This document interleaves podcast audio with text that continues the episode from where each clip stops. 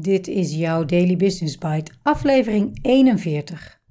Barbara Baarsma luistert naar haar innerlijk kompas, geschreven voor MT Sprout door Marloes Jonker uit de podcast Leaders in Finance van Jeroen Broekema. En ik ben je host, Marja den Braber.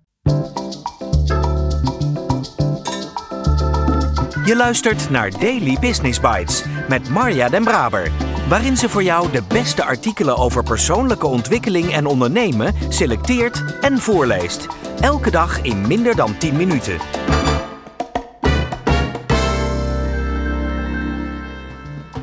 Dit is de podcast waarin ik jou, en eerlijk gezegd ook mijzelf, enkele van de beste artikelen en blogs op gebied van ondernemen en persoonlijke ontwikkeling voorlees. Elke dag. Op gebied van ondernemen en persoonlijke ontwikkeling worden oneindig veel artikelen geschreven. En wellicht ontvang je zelf ook wel elke dag artikelen in jouw inbox. Dus dank dat jij de moeite neemt om naar deze podcast te luisteren, om te groeien en jezelf te ontwikkelen. Laten we snel beginnen. Econoom Barbara Baarsma is niet bang haar kop boven het maaiveld uit te steken. Ondanks ernstige doodsbedreigingen vanwege haar bijdrage aan het coronadebat. Ik laat mij niet monddood maken door kritiek. Ik blijf graag constructief meedenken over economische problemen. Barbara Baarsma is CEO van Rabo Carbon Bank, een start-up binnen de Rabobank die streeft naar verduurzaming van de landbouw. Naast haar werk bij de Rabobank is Baarsma hoogleraar toegepaste economie aan de Universiteit van Amsterdam en vervult ze vele nevenfuncties. Zo is ze voorzitter van de Bankraad van de Nederlandse Bank en lid van het Nederlands Comité voor Ondernemerschap. Paarsma blijft niet graag in haar comfortzone, zegt ze in de Leaders in Finance podcast. Ik wil een leercurve hebben van minimaal 45 graden. Ik laat mijn hersenen graag flink crunchen. Ik wil me ongemakkelijk voelen en ik wil een bijdrage kunnen leveren. Paarsma legt de lat voor zichzelf hoog. Het allerbelangrijkste vindt ze dat ze iets doet omdat ze het wil, niet omdat het moet. Dat heeft een grote betekenis. Als dat niet meer zo is, dan moet ik dus zelf voort en niet gaan mopperen op de omstandigheden. Al in haar studietijd leeft ze naar die waarde als ze na een jaar studeren aan de Technische Universiteit in Delft besluit over te stappen naar economie aan de UVA, waar ze cum laude afstudeert en vervolgens promoveert. Ik vind leren heel leuk, maar industrieel ontwerpen was niet mijn studie. Ik ontwerp graag dingen, maar dan liever abstract. Een mooi reguleringsmodel of een wiskundig model. Soms moet je een omweg nemen om daar te komen waar je wilt zijn. Als ze in februari 2021 begint bij de Rabo Carbon Bank, bestaat haar team uit zeven mensen. Ondanks de krapte op de arbeidsmarkt en de specialistische kennis die de Carbon Bank nodig heeft, weet ze binnen anderhalf jaar het team uit te breiden tot 50 mensen nu. In samenwerking met boeren, klanten van de Rabobank, de grootste food- en agribank ter wereld, ontwikkelen zij projecten die CO2 opslaan in bomen en bodem. Vervolgens bemiddelen ze tussen partijen die CO2 opslaan en bedrijven die hun uitstoot willen verminderen of compenseren. Verduurzaming van de landbouw is hard nodig. We stoten per jaar wereldwijd meer dan 50 miljard ton CO2-equivalenten uit. Een kwart daarvan komt uit de food-agri-sector, vertelt ze aan Jeroen Broekema in het podcastinterview. Als dat eenmaal in de atmosfeer zit, blijft 60% daar hangen en draagt bij aan de opwarming van de aarde met alle gevolgen van dien. 40% gaat terug naar de aarde en wordt opgenomen door bodems, door bossen en door oceanen. Wat de Carbon Bank doet, is aan beide kanten van die balans werken, dus toewerken naar minder uitstoot en meer opslag in bodem en bossen. Baarsma is groot voorstander van ontgrijzing. Vergroening is voorwaarts, bezig zijn met oplossingen, maar de spiegel van vergroening is ontgrijzen. Daarmee bedoel ik dat je afscheid neemt van die partijen, die klanten, die toeleveranciers en misschien ook wel medewerkers die niet mee kunnen of willen in die vergroening. Dat is een dilemma, dat doet pijn. Je zult ook wel moeten ontgrijzen om bijvoorbeeld kapitaal en andere resources vrij te maken om te kunnen investeren in vergroenen. Wat ik zie binnen de financiële sector en economie breed, is dat we wel voorwaarts willen, maar niet willen bedenken wat we dan niet meer gaan doen. Dat gesprek zullen we wel moeten voeren en daar hebben we ook heel hard de overheid bij nodig. Barbara Baarsma groeit op in Zuid-Holland op Goeree over Vlakke. Daar speelt het geloof een grote rol.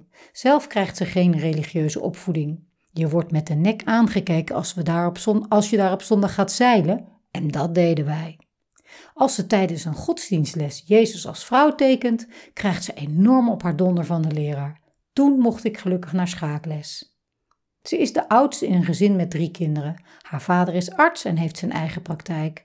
Haar moeder stopt met studeren als de kleine Barbara op komst is, maar doet later een opleiding tot humanistisch-geestelijke raadsvrouw en maakt daar vervolgens haar werk van.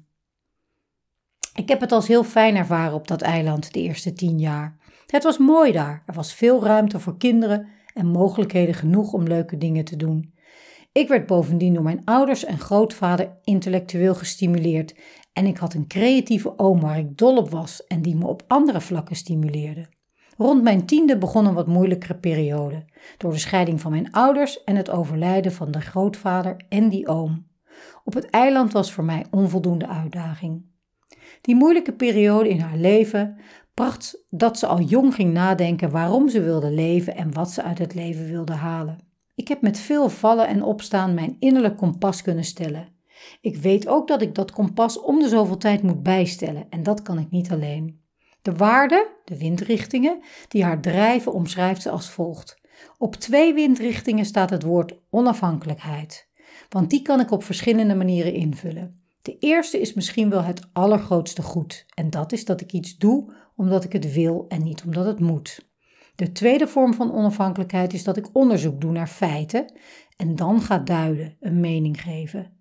Een andere waarde is dat ik heel graag een bijdrage wil leveren aan een maatschappelijk probleem. En tenslotte wil ik leren. Die leercurve met een hoek van minimaal 45 graden.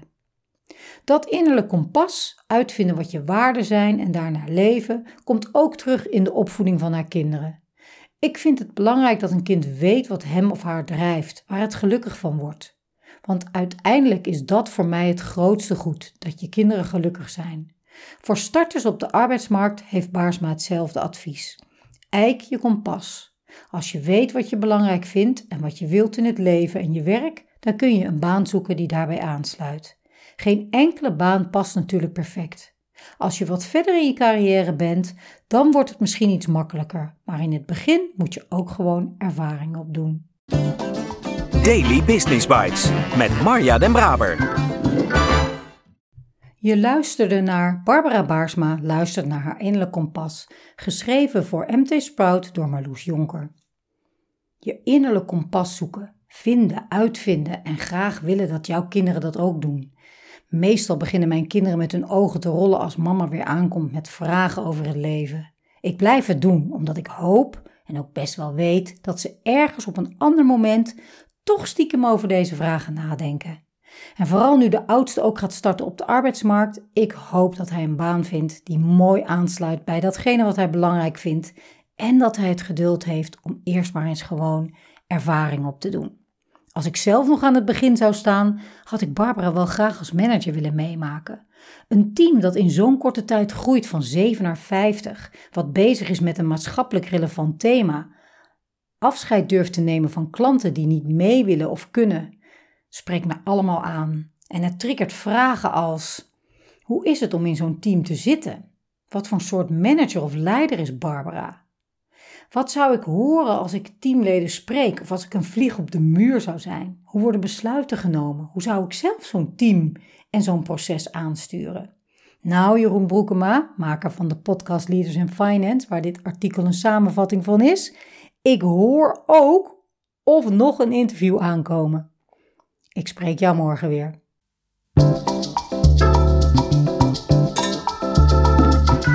Dit was Daily Business Bites.